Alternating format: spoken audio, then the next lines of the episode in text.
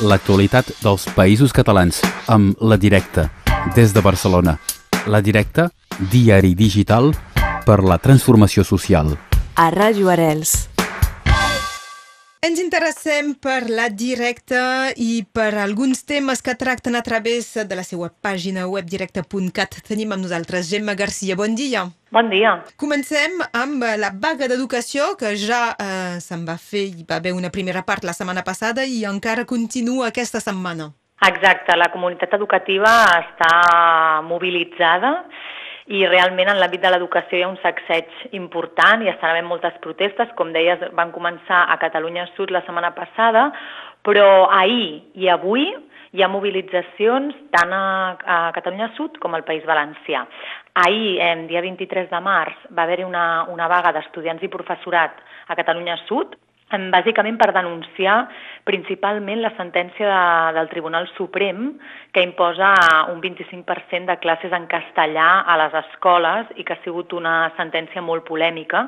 És una sentència que, que es va dictar al gener i que el tribunal va donar un termini de dos mesos per a la seva aplicació, per tant ja ens apropem a l'obligatorietat d'aplicar aquesta sentència a finals de, a finals d'aquest mes i per tant hi ha hagut una, una forta mobilització contra aquesta sentència que imposa el, el castellà, aquest 25%, i en defensa de la, de la immersió lingüística. Això i, i avui al País Valencià, a les universitats, hi ha una vaga d'estudiants, principalment per denunciar dues lleis universitàries que segons els estudiants, diguéssim, suposen una major mercantilització de, de l'educació i també al final doncs, diuen que d'alguna manera em, promouen la repressió de qualsevol activitat política a la universitat i per tant doncs, doncs avui al País Valencià també hi ha un munt de manifestacions a diferents ciutats i ahir també n'hi van haver a, a Catalunya. No? I en paral·lel a això, doncs, en aquest context tan agitat a nivell educatiu, també s'està denunciant des de Catalunya Sud tot el tema de l'avançament del calendari escolar i que continua sent una, una de les protestes que va protagonitzar les vagues, les, les, vagues la, les paralitzacions de la setmana passada, que és aquest avançament del calendari escolar. No? També la situació del personal interí en, en situació de precarietat i, òbviament, com a taló de fons, una dinàmica als últims anys de retallades en educació que no s'han recuperat. No? Per tant, tenim un, realment una, unes denúncies pràcticament estructurals i que toquen diferents temes, tots relacionats amb l'educació. I, evidentment, fa l'actualitat la, aquests dies. Ens interessem per algunes temàtiques a nivell internacional que també tracteu a, a fons. Eh, per començar, a Rússia, amb la repressió dels pacifistes. Sí, exacte. Ahir vam publicar un reportatge que es diu ser pacifista a Rússia pot suposar 15 anys de presó, no? que aquest és el missatge, el missatge principal. És un reportatge que ha fet la companya Clara Sin des de Barcelona en contacte amb, amb diferents persones de la comunitat eh, russa que tenen molta gent, no molts familiars, molts amics, molts activistes vivint a Rússia i que estan patint aquesta, aquesta repressió. Actualment hi ha més de 15.000 persones detingudes entre elles al voltant de 170 menors d'edat, totes elles per protestar contra la guerra, contra la invasió d'Ucraïna per part de, de Rússia, i Clara Sin parla amb, la, amb Sofia, Ela i Zinaida, amb algunes han volgut no, conservar l'anonimat per, per por a patir represàlies si volen tornar al seu país, que resideixen a Barcelona. I relaten doncs, diferents casos i posen context no, en, en el que estan havent de patir aquestes persones que estan sortint al carrer.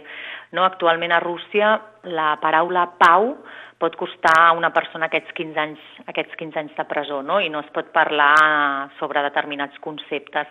Alhora, eh, Massin també explica doncs, la repressió i la censura que estan patint diferents mitjans de comunicació i altres plataformes que estan intentant ajudar activistes i persones represaliades a Rússia fent cròniques diàries del que està succeint.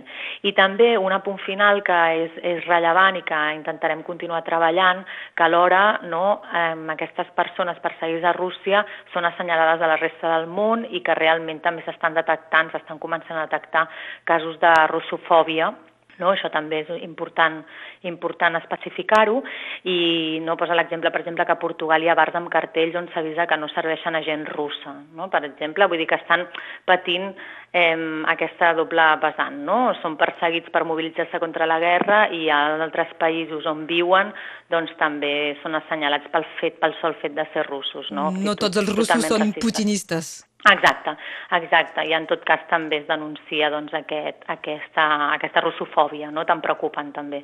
I quan una paraula és prohibida, com, com també ho ha pogut ser a casa nostra un color, recordem fa ha I algunes tant. escenes quan el groc era prohibit, eh, en fi, eh, sempre és eh, estrany.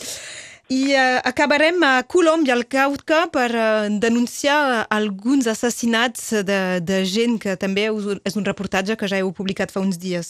Exacte, no? Ara tenim la, la mirada molt focalitzada en la invasió d'Ucraïna, però realment hi ha també molts altres conflictes al món, no? guerres declarades, però també conflictes com d'alguna forma més silenciosos que costa que ens arribin i nosaltres hem, normalment hem posat bastant el focus a Colòmbia, a la situació que viu Colòmbia. Tenim una periodista periodista, que és la Berta Camproví, que està precisament a la, a la zona del Cauca, on s'estan produint, no hi ha un degoteig constant d'assassinats indiscriminats de líders indígenes del poble Nasa. I precisament la setmana passada, el 15 de març, van assassinar a, a Miller Correa, que és conseller de l'associació, bueno, era conseller de l'Associació de Cabildos Indígenes del nord del Cauca, i amb aquest assassinat de Miller Correa ja en són 300, no? 300 assassinats de líders indígenes que han pres la vida, aquí han pres la vida diferents grups armats des de la firma dels acords de pau a Colòmbia l'any 2016.